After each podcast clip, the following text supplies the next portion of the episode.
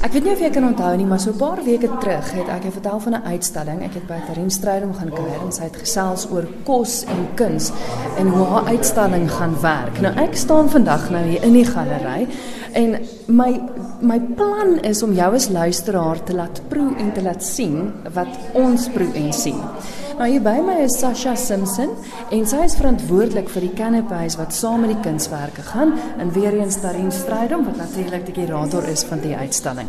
Nou goed julle, ons gaan nou vir die luisteraars verduidelik. Ek dink kom ons begin met met hierdie enetjie.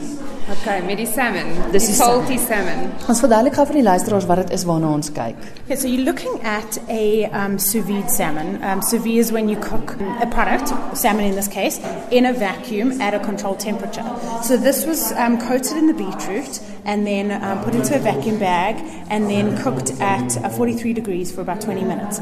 So it's got this beautiful, fresh, almost raw look to it, but it actually has been cooked. What we have on the side of it is what we call a salt crack. So we've taken a, a piece of, um, or a few pieces of molten salt, and we've dehydrated them to almost create like a little bit of a wafer. So it does give you that kind of like very strong ocean flavor. Um, to it, and we felt like it worked with the artwork really, really well. That gave you that texture that you were looking for. Goed, so dis 'n stukkie salmon en dan so 'n soutblokkie wat jy bo op sit. Ons staan nou hier voor die kunswerk. Die kunswerk se naam is uiteraard ook Salt. En ek kan onmiddellik sien hoekom die twee bymekaar pas, want dit is 'n klomp visse.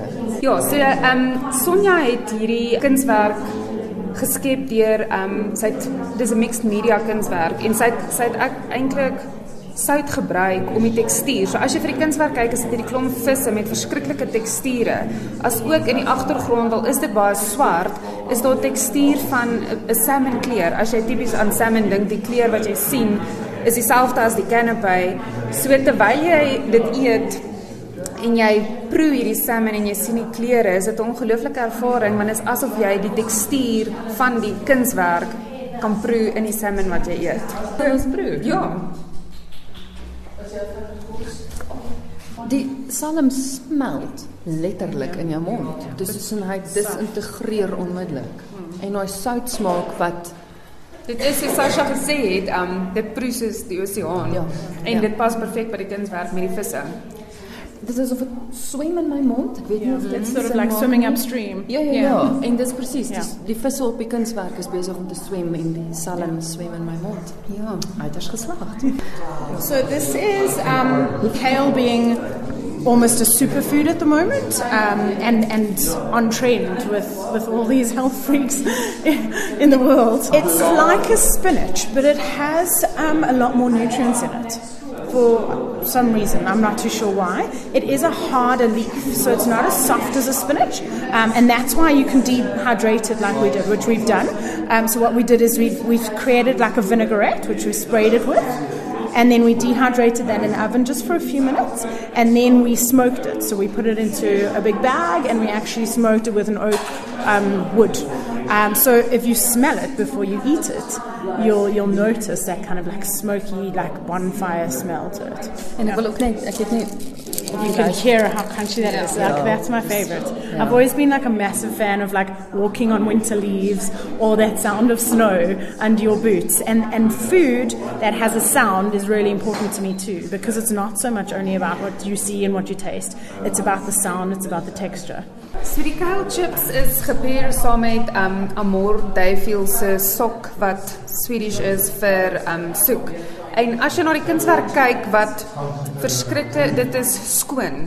Dit voel asof jy in die ys is en presies soos Sasha nou net ook gesê het van die geluide wat jy kry as jy oor sneeu loop. Um is presies die hoe die kuil die die geluid wat dit maak.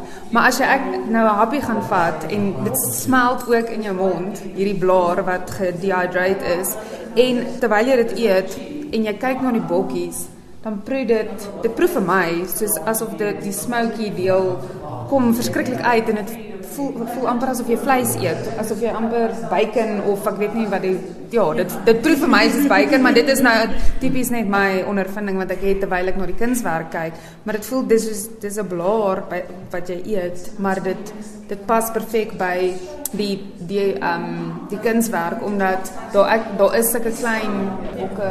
Ja, ek wil gou vir die luisteraars verduidelik, is 'n groot wit papier en dan is dit berge wat met met swart opgeteken is. Ja. Ek wil tog ook sê die berge lyk amper ook soos die karteling van die hmm. van die kuil se ja. se blaar. So daar's definitief die herhaling van patrone wat jy in kos en in landskappe en in die alle daagse lewe kry. En en dan ook 'n man met soos jy sê drie bokke wat baie klein in die sneeu ja, wat besig is met hierdie trek van hulle ehm um, soos die kunstenaar verduidelik het in die winter gaan hulle op hierdie ekspedisies en al hulle kos moet gedehydrate word. En ek dink Sasha het dit so goed reg gekry met hierdie kuilblaar wat heeltemal gedroog is, maar basies of sy water is uit uitgehaal en ja, terwyl jy hom eet en vir die kunswerk kyk, is dit regtig 'n Maar baie mans reken ook mos dat blare is bokkos. Ja, true. So ja. true. Ja. ja. Ek eet nie blare nie, ek's nie 'n bok nie. nou, kom ons probeer ja, hierdie blare. Ek's mal oor die oor die geluid. Goed. Mm. Ek voel daai mm. smoky, no. Mm, mm, mm. So that, that flavor is going to linger in your mouth for a little mm. bit. So you just want to kind of like, I think, swallow it and let it sort of um, take its shape before you move on to the next one. Yeah. No, yeah. Mm. So hierdie klein um groentetuin wat Sasha gecreate het. um sy moet vir julle meer vertel van wat presies yeah. daar alles in is.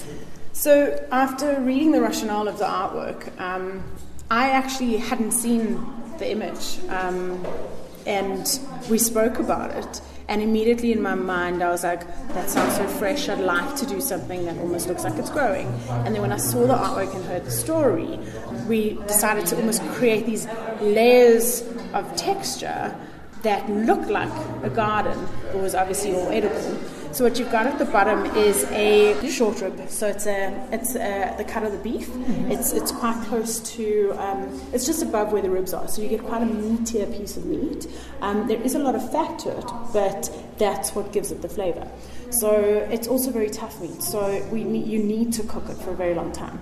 So that gets cooked for about 48 hours. It then gets pulled and then mixed with a barbecue sauce that we make, um, and then layered on top of that was a cream cheese and a soil which we made out of hazelnuts, burnt leeks, and um, cacao, cocoa. And it like regtig It does, yeah. yeah, with little gra- like gravel. Yeah, and then you've got your little micro carrots and your your micro um, sweet peas. Wat boel lê, dit lyk soos 'n tuin. Ja. So dit is 'n klein tuintjie op jou bord wat letterlik hierdie um, wortels het wat nog hulle blaar wortel blare aan het en dit, dit lyk kompleet soos 'n groentetuin en as jy na die kunswerk kyk wat 'n uh, 'n uh, lyntekening is van verskillende kosse. As jy begin aan die linkerkant is daar ei, timim en dan is dit 'n um, sampioen in 'n wortel, basil, 'n ja. klein um, skerp, soos 'n groentetuin skerp, nog 'n ei wat nog steeds in sy blare is en rosmaryn. En dit is uh, dis op wit papier en dis letterlik net swart lyntekeninge. Dit is ja. baie eenvoudig werk, maar dit pas vir my so fantasties want jy sien tuin op die kunswerk en jy sien tuin in die bakkie. Ja. En die lekkerste deel van hierdie hele dis saam met hierdie is dat as jy dit eet, verwag jy glad nie wat jy gaan eet nie. Die teksture en veral wat vir my so fantasties is, want dis hierdie tuintjie en as jy dit oplig, die wortels van die tuintjie, dis is pulled beef. Ek kan nie wag om die grond te proe nie. ja.